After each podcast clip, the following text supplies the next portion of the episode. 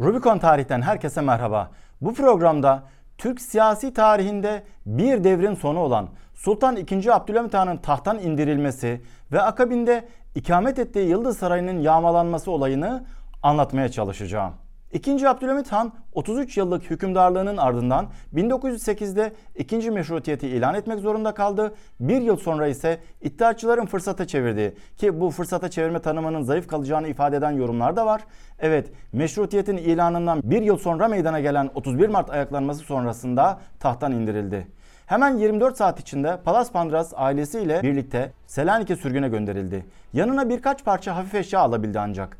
Yeri gelmişken ifade edeyim, Osmanlı'nın iddiaçıların kontrolündeki yılları ve Abdülhamit Han'ın Selanik'teki sürgün günlerine dair iki romanı özellikle tavsiye etmek isterim. Biri Ahmet Ümit'in Elveda Güzel Vatanım adlı romanı, diğeri ise Zülfü Livaneli'nin Kaplanın Sırtında adlı romanı. Akademik tarih kitaplarının dili çok ağır ve aşırı detay yüklü. Aktüel tarih kitapları ise maalesef Türkiye'de çoğunlukla ideolojik sahiplerle yazılıyor ve okunuyor. Tarih rakip siyasi figürlere fırlatılabilecek bir atık malzeme çöplüğü olarak görülüyor Türkiye'de. Bu yüzden makul ve sıkılmadan okuyabileceğinizi düşündüğüm bu iki romanı tavsiye etmek istiyorum. Sözü fazla uzatmayayım. Yıldız Sarayı'nı kimler yağmaladı? Neleri çaldılar? Abdülhamit Han'ın sarayda neleri vardı? Rubicon tarihi bu soruların ve daha fazlasının yer aldığı Yıldız Sarayı yağması dosyasıyla başlıyor.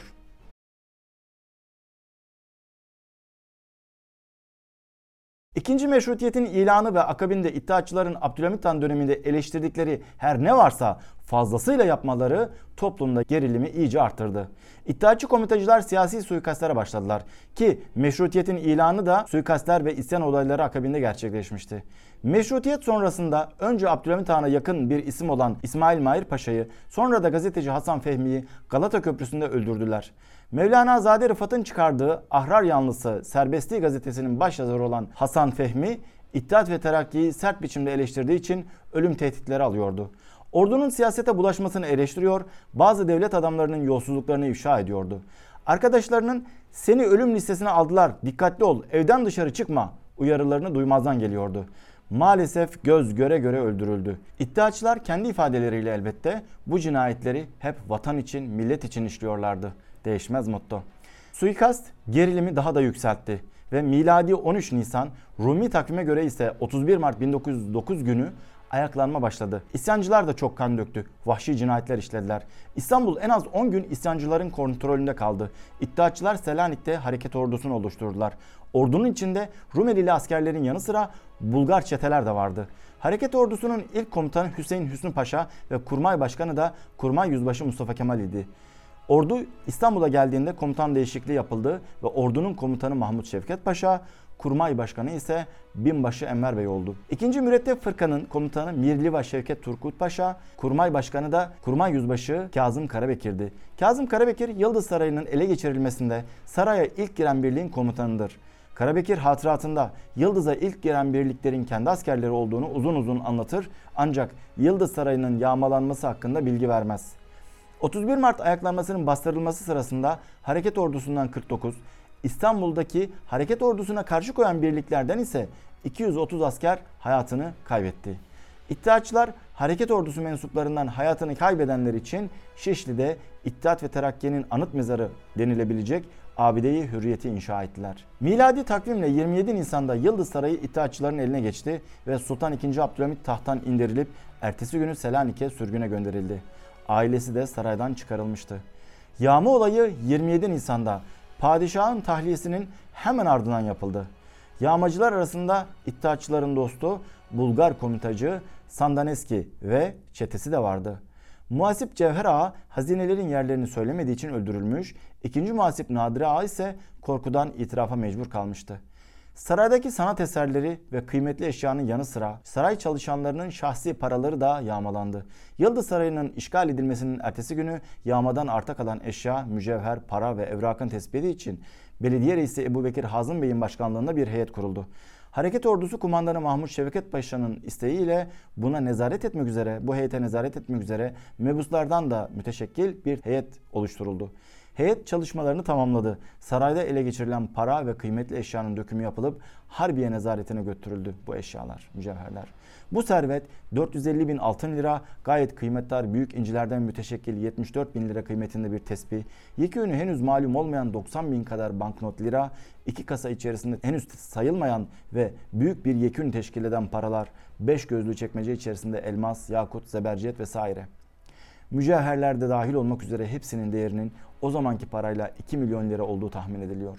Ayrıca gayet kıymetli ve süslü bir baston, pırlantalı yakutlu ağızlıklar, 12 çanta içerisinde tahmini 120 bin lira, bunlardan başka binek ve araba atı olarak kullanılan 250 at ve henüz açılmamış kasa ve sandıklar da vardı. Yağmada sarayda mücevher ve eşyaları ganimet olarak gören Rumeli'den getirilen çetelerin rol aldığı da iddia ediliyor. Sarayın yağmalanmasına ilişkin iddialar Osmanlı Mebusan Meclisi'nde Mahmut Şevket Paşa tarafından da kabul edildi. Ancak ayrıntıları gizlendi. Mecliste bir mebusun saraydan Harbiye nezaretine getirilen servetini akıbetini sorması üzerine Mahmut Şevket Paşa hepsinin millete ait olacağını söyledi. Saraydan alınan eşyaların Londra'ya götürülüp satıldığı belirtiliyor. İttihat ve Terakki'nin iktidar olduğu yıllarda yağma olayı soruşturulmadı, olayın üstü örtüldü. Ta ki 1. Dünya Savaşı'ndan sonra Osmanlı Devleti'nin savaştan mağlup çıkıp İttihat ve Terakki'nin iktidarı kaybetmesine kadar.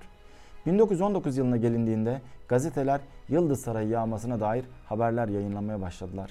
İttihatçıların lider kadrosu yurt dışına kaçtı ancak ülkede kalan iddiaçılar iddiaları yalanladı. Yağmayı itiraf edenler de vardı. İddiaçıların ileri gelenlerinden Teşkilat-ı Mahsusa'nın son reisi Hüsamettin Ertürk der ki, Abdülhamit bu 33 senelik saltanatında her taraftan kendisine hediye olarak gönderilen binlerce mücevherleri, altın, gümüş takımlarını, pırlanta, yakut, zümrüt, necef ve daha bin bir renk ve çeşitte gözleri kamaştıran büyük bir serveti Yıldız Sarayı'nda büyük bir dikkat ve itina ile saklamıştı. İttihatçılar bu muazzam servetin üzerine bir perdeyi nisyan örttüler. İttihatçı gazeteci ve mebus Hüseyin Cahit bile olsa olsa belki tek tük sıradan hırsızlık girişimleri görülmüş olabilir. Herhalde bunun da pek kısa bir zamana sıkışmış olacağı kesindir diyor. İktam gazetesi 17 Nisan 1919 günü bu yağmayla itham olunanların isimlerini ve aldıkları iddia edilen eşyaların listesini yayınladı. Yargılamaların siyasi niteliği de bulunduğu için iddiaların ne kadar doğru olduğunu tespit etmek bence mümkün değil. Listede çok enteresan isimler var. İktamdaki haberde yağmaya karışanlarla ilgili bir soruşturma başlatıldığı ve bu kapsamda Beyazıt'ta bir evin arandığı da belirtiliyordu. Gazeteye göre Selanik'e sürgüne gönderilirken Abdülhamit'e ait 900 bin liralık nakit ve mücevherlere de zorla el konulmuştu. Mondros mütarekesi sonrasında Yıldız yağması da mahkemeye intikal etti. Damat Ferit Paşa hükümeti zamanında yağmanın failleri oldukları iddia edilen bazı kişiler tutuklandı. Zanlılardan bazıları ölmüş, bazıları da kaçmıştı. Divan-ı Harbi Örfi yani Askeri Sıkı Yönetim Mahkemesi Yıldız Sarayı'ndaki yağmanın gerçek olduğunu hükmettiği kararını 7 Eylül 1920 tarihinde verdi. Yağmanın sorumlusu olarak Hüseyin Hüsnü, Şevket Turgut, Galip, Hasan Rıza, Hasan İzzet Paşa ile Selahattin Adil Bey'e idama bedel 10'ar sene kürek cezası verdi ve diğer failler 5 ve 3 sene küreğe mahkum oldu. Askerlikten çıkarıldılar. Kürek cezasının uygulanışı itibariyle ağır hapis cezası olduğunu da belirteyim. Evvelce idama mahkum olduğu için Firari Enver Bey ve 15 sene küreğe mahkum olduğu için Cavit Bey için ise ceza belirlenmedi. Yargılananların bazıları beraat etti, vefat edenlerin dosyaları ise düşürüldü. Yargılanan kişiler suçun zaman aşımına uğradığını iddia ettiler. Üstelik bu suçun adi bir suç olduğunu ve Divan-ı Harbiye'nin yetkili olmadığını savundular. Damat Ferit Paşa istifa edince 21 Ekim 1920'de Tevfik Paşa hükümeti kuruldu ve Tevfik Paşa döneminde hükmedilen cezalar infaz edilmedi. Divan-ı Harbi Örfi'nin verdiği yıldız yağması kararını temyize götürdü sanıklar. Meclis-i Temiz Askeri siyasi suçların 1912 tarihinde affedildiği ve adi suçların da zaman aşımına uğradığı gerekçesiyle davanın düşmesi lazım geldiğine hükmetti. Divan-ı Harbi Örfi bu karara uyarak 6 Ocak 1921'de zanlıların beraatine karar verdi. Yağma dosyası bu şekilde kapanmış oldu. Evet, Yıldız Sarayı'nın yağmalanmasının hikayesi özetle bu şekilde. Programı hazırlarken yararlandığım kaynakların linklerini metinde vereceğim. Bir programın daha sonuna geldik. Umarım sizin için faydalı bir yayın olmuştur. Videoyu beğendiyseniz beğeni butonuna tıklamayı ve Rubicon Tarihe abone olmayı ve yorum yazmayı lütfen ihmal etmeyin. Yeni bir programda görüşene dek kendinize iyi bakın.